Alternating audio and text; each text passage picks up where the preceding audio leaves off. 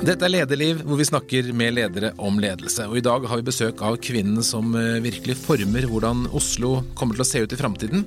Hun har gjort det siden 1999 som direktør for plan- og bygningsetaten i Oslo, og hun heter Ellen Di Vibe. Velkommen hit til kjelleren vår eh, i Barcode, Ellen Di Vibe. Aller først, det er et veldig flott navn, Ellen Di Vibe. Hvor har du fått det fra? Altså, Det er jo egentlig min manns navn, dette. da. Jeg ble født Skjelderup, øh, og har egentlig begge to, men det ble litt for langt. Nei, det er en dansk familie som en gang øh, jobbet for en fransk øh, konge. Så, så langt tilbake. Det er et veldig fornemt navn. Jeg liker det navnet godt, jeg. Ja, det høres flott ut. Vi har ikke møtt hverandre før, men jeg har vært borti deg mange ganger gjennom jobben. Og jobber med eiendomsfirmaer, for de er veldig opptatt av hva du mener. Og du holder på en måte Eiendoms-Oslo i din hånd med å bestemme hvem som får lov å bygge, og hvor høyt og hvor mye og hvor tett og sånn. Er det en vanskelig maktrolle å ha? For det første er det jo bystyret som beslutter hva som skal bygges. Det er ikke plan- og bygningsetaten eller jeg for den del.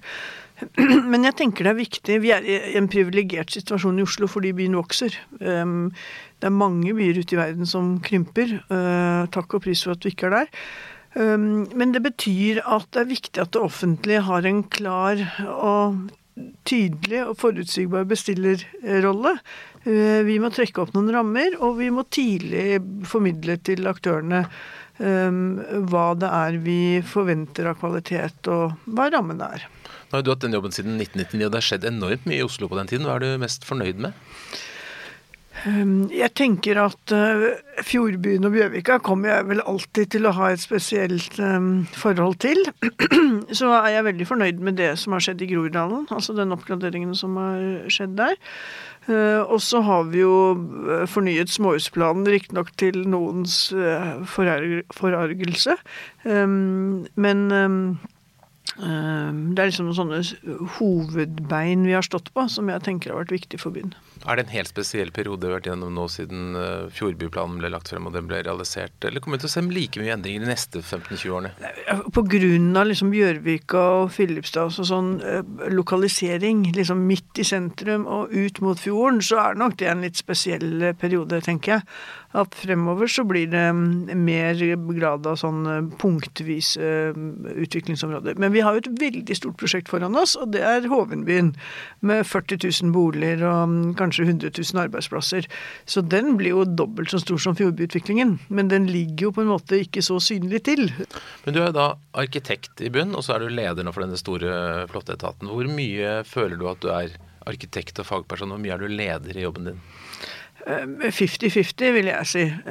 Jeg kommer aldri til å bli en ren administrator. Jeg kommer til, Det er noen saker som jeg går inn i, og da går jeg ordentlig inn i de. Og så produserer jo vi 5000 byggesaker i året og flere hundre reguleringsplaner. Sånn at det er klart jeg er ikke inne i Det er masse jeg ikke er inne i. Men jeg kommer alltid til å utøve mitt arkitektfaglige skjønn også. Men Kunne man hatt den jobben uten å være arkitekt? Jeg tror ikke det. Jeg tenker at uh, det er viktig at det er noen med formingsfaglig, altså den rommelige formgivningen av byen, uh, som leder den, uh, den etaten. Det er iallfall min grunnholdning. Men andre veien? Kunne du ledet noe som ikke har noe med arkitektur å gjøre? Nei, da tror jeg jeg ville blitt en dårlig leder, gitt. Jeg tror Altså det der med at du kan være en veldig god administrativ leder uten å ha fagområde, det gjelder kanskje for produksjonen hvor du ikke er på et veldig sånn høyt fagnivå, altså spesialisert fagnivå, men har du med eh, kunnskapsbedrifter og eh, den type kompetanse å gjøre, så tenker jeg at det er en kjempefordel å ha et faglig utgangspunkt også. Men du står jo i et ganske sånn tøft skjæringspunkt mellom da utbyggere, arkitekter, politikere, beboere. Det er mange som, eller alle, mener noe om det du og dere gjør. Er det vanskelig? Det er klart det er ubehagelig noen ganger, men det er jo en del av jobben vår. Det som jo kan være krevende, er jo støy og ståk nå. F.eks. 30 000 underskrifter mot Barkar. Det var jo ikke noen sånn Det var ikke sånn at du gikk på byen og sa 'se på meg, hva jeg holder på med'. Men samtidig så må du balansere de hensynene som kommer inn der og da, og synspunktene, mot en langsiktig visjon. Og det er klart at alt eh, styret som var rundt Barcard, jeg tror det gjorde oss bedre. Det tvang oss til å fokusere, og det tvang oss til å se på hvordan kvalitetssikrer vi dette. Eh, sånn at det egentlig var en bra ting. Um, men hvis du tenker at du skal bli populær og liksom vike unna motstand, da tror jeg ikke du kan ha en jobb som dette. Men Hvordan jobber du når du har et sånt vanskelig dilemma med mye press fra mange kanter? Hvordan, hvordan, du, hvordan jobber du for å få en riktig beslutning? Um, altså Jeg kan jo nevne én sak som var krevende for oss, og det var jo den amerikanske ambassaden på Huseby. Um, det som ble viktig for oss da, var at uh, vi ikke skulle dekke over hva som var konfliktene. Vi skulle ikke late som det var uh, problemløst. Sånn at jeg husker jeg var veldig tydelig på overfor min saksbehandler at her må vi beskrive at dette er et kjempestort uh, inngrep i naturarealet og at det er en kjempeulempe. Og så må vi synliggjøre altså ulempene ved å ha ambassaden der den var, og så må du avveie det. Sånn at da blir jo vår jobb å synliggjøre um, de ulike hensynene, sånn at politikerne får et godt beslutningsgrunnlag. Og jeg tror egentlig det var det som reddet oss også, når den saken gikk i tre rettsinstanser helt opp til Høyesterett etterpå. Er det krevende? Tar det mye kapasitet fra deg å tenke rundt sånne saker? Ja, for å si sånn, de har ikke så veldig mange hobbyer ved siden av. går du mye rundt i byen og ser? Ja, det gjør jeg jo. Både sykler og går. Helst på fritida, men så det, det, blir for mange møter i arbeidstiden. Men det er klart jeg observerer og ser. Du kan ikke la være å gjøre det hvis du jobber med det. Er det noe sted du tenker at der var vi ikke helt heldige? Um, ja, det er jo lettere å si hva vi ønsker å forandre på fremover. F.eks. Galleri Oslo tenker jeg er et område som godt kan uh, omformes uh, til å bli mer bymessig med aktiviteter på gatenivå osv. Uh, det var jo før min tid, men jeg tror det er noe som alle andre kjenner. Du har jo da gått fra å være arkitekt til å bli leder. og Når du gjorde det for en så stor etat, har du noen lederfilosofi? Uh, altså Jeg tror nok um, mye av meg går på at um, det å motivere og mobilisere for å løfte blikket rent faglig. Altså at vi ikke bare driver med de 5000 byggesakene her og nå, men at vi må tenke ut hvor er det vi skal gå fremover litt sånn strategisk. Um, ellers så um, har jeg jo mye sansen for det med altså tilstedeværelse, det med å fokusere på der du er her og nå. Eh, det er jo en effektiv eh, mestringsstrategi. Um, uh, og så uh, er det jo noe med kommunikasjon med folk. Jeg er utålmodig, og folk jeg har, ikke noe, har ikke noe pokerfjes, og folk vet hva jeg mener. Men det å trene på å være um, flink til å stille åpne spørsmål, sånn at folk kan komme frem med hvor de er, det er nok viktig. Men er du flink til å trekke opp en retning? Vet alle hvor man skal? Ja, det tror jeg de vet ganske godt. Altså nå har jo vi et samspill med rådhuset. ikke sant? Alt henger oppi, kommer ut av kommuneplanen, eh, og vi får jo tildelingsbrev, og vi gir jo innspill til innholdet der osv. Så, videre. Eh, så jeg tenker at vi er eh, rimelig gode på å se den langsiktige retningen. Så er jo det å få omsatt det til operativ aktivitet, det er jo krevende. Og det er jo en leder og en mellomleders jobb å gjøre. Ehm, men jeg tror alle hos meg vet at vi skal uh, ha fart på å få godkjent boligprosjekter, men vi skal samtidig sikre kvalitet. Ikke sant?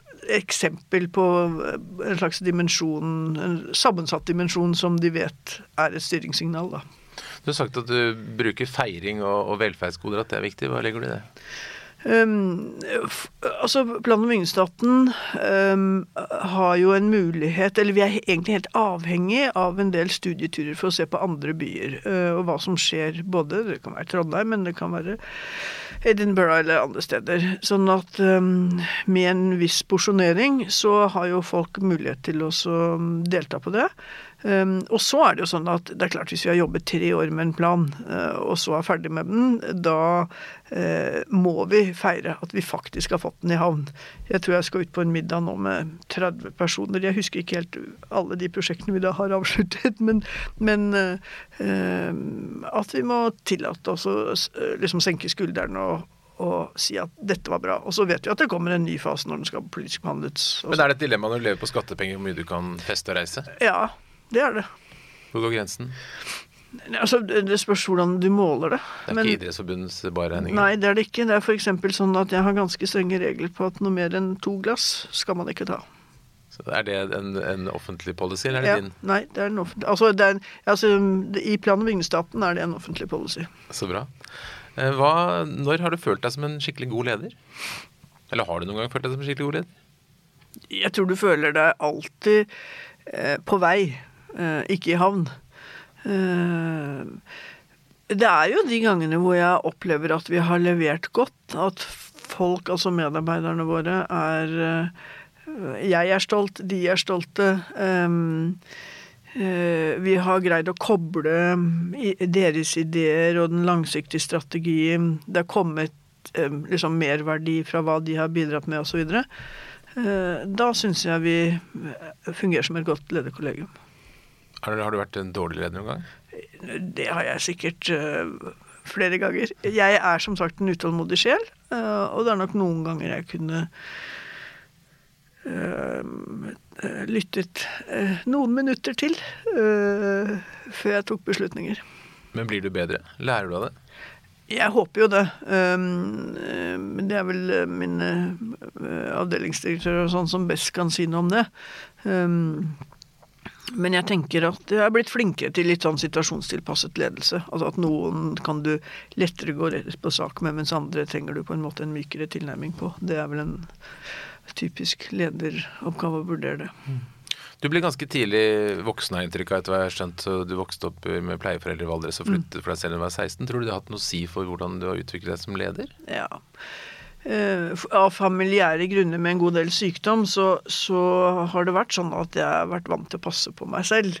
Eh, og, sånn at jeg har blitt eh, litt robust på det å håndtere hverdagen og ikke komme hjem til mor og gråte, for å si det sånn. og så Den der utålmodigheten min går jo også litt på at hvis folk går rundt og syns synd på seg selv, så tenker jeg at det er aldri noen god strategi. Eh, verden kan være vond og vanskelig, men vi må alltid se på hva er det vi får til. Hvordan løser vi dette? Er det noen annen måte å tenke ramme for den oppgaven på, sånn at vi kommer oss ut av det som er vanskelig? Eh, og det å på en måte passe på å se at vi faktisk får til mye, det er jo viktig. Men det at du da var ganske selvstendig allerede som 16-åring, eh, hva tenker du om det i forhold til barneopptak? Altså Mange barn i dag blir veldig tett fulgt opp opp til veldig høy alder. Er det en bra ting? Um, nå må jeg passe på hva, datter, hva, hva, datteren min tenker når hun har barnebarn og jeg sier noe om barneoppdragelse. Eller når jeg har barnebarn og hun, jeg sier noe om barneoppdragelse. Um, det er jo alltid litt sånn at når du blir oppe i årene, så tenker du at alt var så mye bedre før. Uh, jeg tror det er bra at folk, at ungdom må ta ansvar. Jeg tror det gjør oss mer robuste og Uh, livet er aldri helt enkelt, um, så du kan ikke liksom um, ha puter sydd under armene på deg. Du, må, du, vil alltid møte noen vanskeligheter, og da tenker jeg å møte det, om det er at noen knuffer til deg på gata på skolen, eller om det er at du, du må ordne opp med noen ting som kanskje foreldrene helst ville ha gjort. altså forberede til fotballkamp, eller hva det måtte være for noe. Jeg tenker det gjør unger og ungdom eh, mestringssterke. Du har jo medarbeidere helt fra 20-årene helt opp til kanskje 70-årene. Merker du noen forskjell mellom generasjonene på hvordan man tar det å arbeide, og hvordan det er i arbeidslivet? Det er, det er, litt sammensatt det der. fordi på en måte så har du seniorer som er utrolig flinke til å liksom se sakens kjerne. Altså legge til side alt småplukk som ikke er viktig. Um, men samtidig så ser jeg at en del av de unge er mye raskere til å kanskje sette seg inn i nye prosesser og sånn, enn de eldre er. Um, uh, og um, vi, vi, sa her om dagen at før så pleide vi å si at det tar halvannet år før en byggesaksbehandler er liksom fullgod byggesaksbehandler. Men det var vi enige om. Det, det, tar ikke så lang tid lenger med unge folk. De er gode på data. De er um, åpne for liksom å tilegne seg. Så hvis vi bare får lagt opp god nok altså nyansattes program for dem, uh, så er de fortere i virke enn de var for noen år siden. Hvordan er kjønnsfordelingen hos deg, Ellen? Um, jeg tror vi har flere kvinner enn menn, uh, både i ledergruppa mi og ellers. Uh, men det er nok en skjevfordeling i forhold til uh, altså nivået på stillingene. Det er nok flere lavtlønte enn det er høytlønte kvinner. Med unntak av ledergruppa mi, da. Og Det er jo interessant i denne metoo-tiden. Er det mye tafsing i plan- og bygningsstaten? Du vet, jeg jobber så mye at jeg, jeg greier ikke å følge med på sånn. Men jeg opplever at um, Men har dere hatt trakasseringssaker hos dere? Jeg opplever at vi ikke har hatt noen uh, trakasseringssaker som går på det med kjønn. Hvordan ville du reagere hvis du hørte om det? Nei, Da måtte vi jo gripe fatt i det med en gang. Hva tenker du når du leser om arbeidsplasser hvor dette har utviklet seg? At det er helt uholdbart tillegget til den, den liksom helt uakseptable delen er jo uh, ulike former for hersketeknikk. Og det er kanskje sånn som er vanskeligere å, å se og følge. Um, og der uh, kan vi vel alle, holdt jeg på å si, både menn og kvinner. Um, da går det kanskje mer på at man er senior mot yngre osv. Uh, at det er viktig å snakke ordentlig til hverandre. og uh, gjerne spørrende. Eh, og særlig i en stressa situasjon så kan det jo lett bli sånn at man eh, ikke kommuniserer godt nok, da. Men men sånn som deg, får du, får, er det noen rundt deg som sier det til deg hvis du blir for herskende eller dominerende eller lytter for lite? Eller omgir seg, men Det blir jo lett at man omgir seg med de man, som sier ja. Ja, uh, ja det, altså det er flere som uh, sier 'Ellen, nå gikk det for fort, dette må vi ta en samtale til på'. Ikke sant. Uh, men det er ikke uvanlig. Er det, er det viktig å ha litt sånne uh, motparter? Eller uh, korrigerende faktorer, kanskje? Ja da, det tror jeg.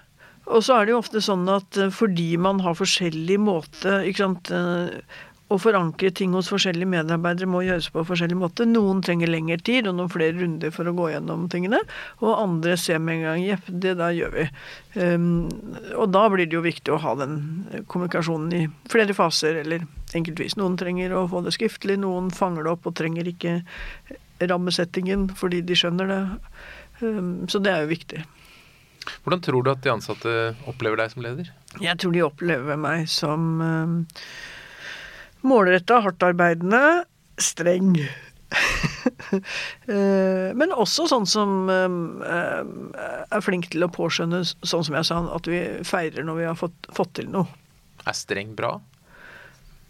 Altså, jeg tenker jo at å være i det offentlige Det er så mange krefter som på en måte um, bidrar, ikke, ikke, bevisst, men fordi det er en sånn kompleks organisasjon, så er det så mange krefter som bidrar til at ting uh, fizzle out. At måte at ting renner ut i sanden. Sånn at det å på en måte være ordentlig fokusert og få ting levert, uh, tenker jeg det er bra uh, at man gjør.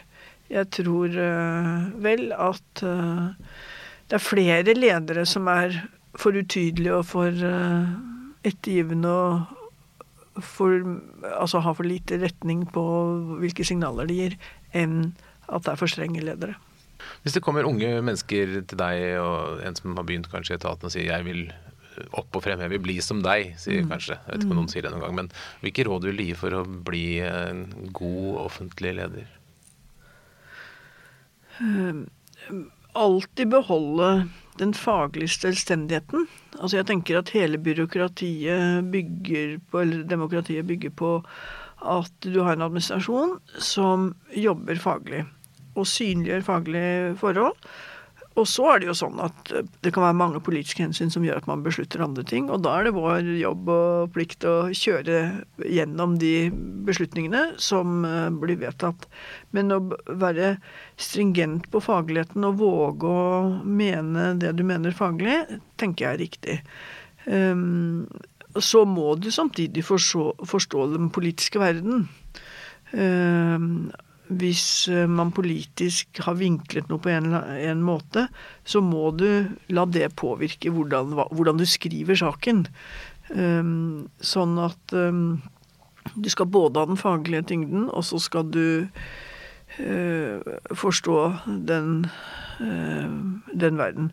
Uh, og så må du jo som altså en leder sånn som meg, med, som ligger jo Min jobb blir jo ofte mellom det faglige etaten og byrådsavdelingen og byråden, så må du jo ha en lydhørhet overfor hva som er den politiske intensjonen. Eh, det er ikke sikkert det alltid blir sagt på den måten jeg ville ha sagt det, eller øh, Men, men øh, du må ha den lyd, lyd, lydhørheten, og du må med en gang du får en ny byråd, så er det den byråden som er din oppdragsgiver, og da er det den personens politikk som blir din oppgave å gjennomføre. Men apropos politisk ledelse i Oslo nå, så er det jo et av prosjektene er jo det å gjøre sentrum bilfritt. Mm. Er byen lagd for det? Blir det bra? Jeg tror det blir veldig bra. Ehm, eh, nå jobber vi jo med disse pilotområdene og de midlertidige tiltakene. Plan- og bygningsstaten har jo fått ansvar for å koordinere dette arbeidet nå fra 1.10 da det ble flyttet fra Byrådsavdelingen for miljø og samferdsel. Eh, jeg tror dette kommer til å bli kjempefint. Eh, jeg er opptatt av at vi må samarbeide godt med handelsstanden og de som er byaktørene. For det er de som lager bylivet, det er ikke kommunen som lager bylivet. Eh, og så er jeg opptatt av at selv om vi nå driver med pilotering, og det å bruke midlertidige tiltak for å teste ut ting, tror jeg er veldig lurt. fordi hvis du skal gjøre det permanent, så er det liksom så tunge prosesser, omregulering som du må gjennom osv. Um, men jeg, samtidig så tror jeg det er viktig at elementer som f.eks. endret kjøremønster utredes nok til at det blir en forutsigbart og langsiktig løsning. Fordi hvis man driver og kaster om kull på dette liksom hver tredje måned eller sjette måned, så skaper man jo bare frustrasjon for de som er de egentlige brukerne av byen. Uh, ja. En del av brukerne i byen eh, protesterte mot uh, utenfor rådhuset for ikke lenge siden, bl.a. på at uh, bystyret selv bevilger seg parkeringsplasser mens de nekter andre å kjøre. Hva syns du om den lederstilen? Ja, men Nå har vel de politiske partiene sagt at de skal begrense sine egne parkeringsmuligheter også. og som de sa, det er vel en naturlig oppfølging av den politikken de har. Ja, For det er viktig som leder, å leve det man prediker? Ja, så nå tenker jeg at du trenger jo ikke å liksom være Birken-syklist for å snakke for syklistene. Altså at det er viktig å få fram syklistene, eller de som går. Så det er jo ikke sånn, vi må ikke bli så protestantiske at du ikke kan på en måte ha en politisk visjon eh, selv om du av og til kjører bil. Ehm, men, men, akkurat det der med parkering i rådhuskjelleren er jo liksom veldig ehm, Det har jo et veldig sterkt grensesnitt mot politikken, da, siden man stenger rett utafor huset. Så det var nok lurt politisk å si at dette vil man gjøre noe med. Den rollen du har, altså byplansjef, er jo sånt som faktisk får plass i historiebøkene. Hva tenker du skal stå i historiebøkene om din periode og din innsats? Ehm, jeg, jeg håper jo at man vil si at Bjørvika og Fjordbyutviklingen ble et nytt lag i byen uh, som har styrket byen uh, altså både for levekår for hele byens befolkning, fordi man får tilgang til fjorden, og som arkitektur. Um, og så håper jeg jo at um, den perioden vi har hatt, har vært en periode hvor vi har greid å tenke mer og mer langsiktig og visjonært rundt både småhusområder og hovedbyen og sentrum og det hele. Nå ble det mye alvor her. Når har du det skikkelig gøy på jobben, Ellen? når er det du koser deg? Um, det er jo når, uh, når vi tenker høyt og kreativt om hva vi vil få til. Uh, uh, Arbeidet med Bykuben, dette senteret for bioøkologisk innovasjon. Når vi jobber ordentlig med det, når vi får de ulike aktørene, om det er nabobilen eller om det er sant, ulike deleøkonomiaktører på banen osv. Når vi sitter og snakker om hva det betyr, eller ja, Nylig så satt Bernt Reitan Jensen og jeg og snakket om hvordan skal vi jobbe for å få avklart hva den nye teknologien vil bety for transport i Oslo. Da har jeg det gøy. Men er det ikke det litt tungt å tenke at det du snakker om, det tar det 20 år før det blir realisert? Nei da. Ikke sant? Alle sånne byutviklingsprosesser tar 20 år. Så det lever vi godt med. Hvor lenge skal du jobbe? Nei, Det får vi se på. Hvor lenge har du lov til å jobbe? Nei, Det har jeg ikke spurt noen om. Men det, men, men det er vel til 70 hvis uh, norsk lov gjelder for meg òg. Det får vi tro at den gjør. Tusen takk skal du ha.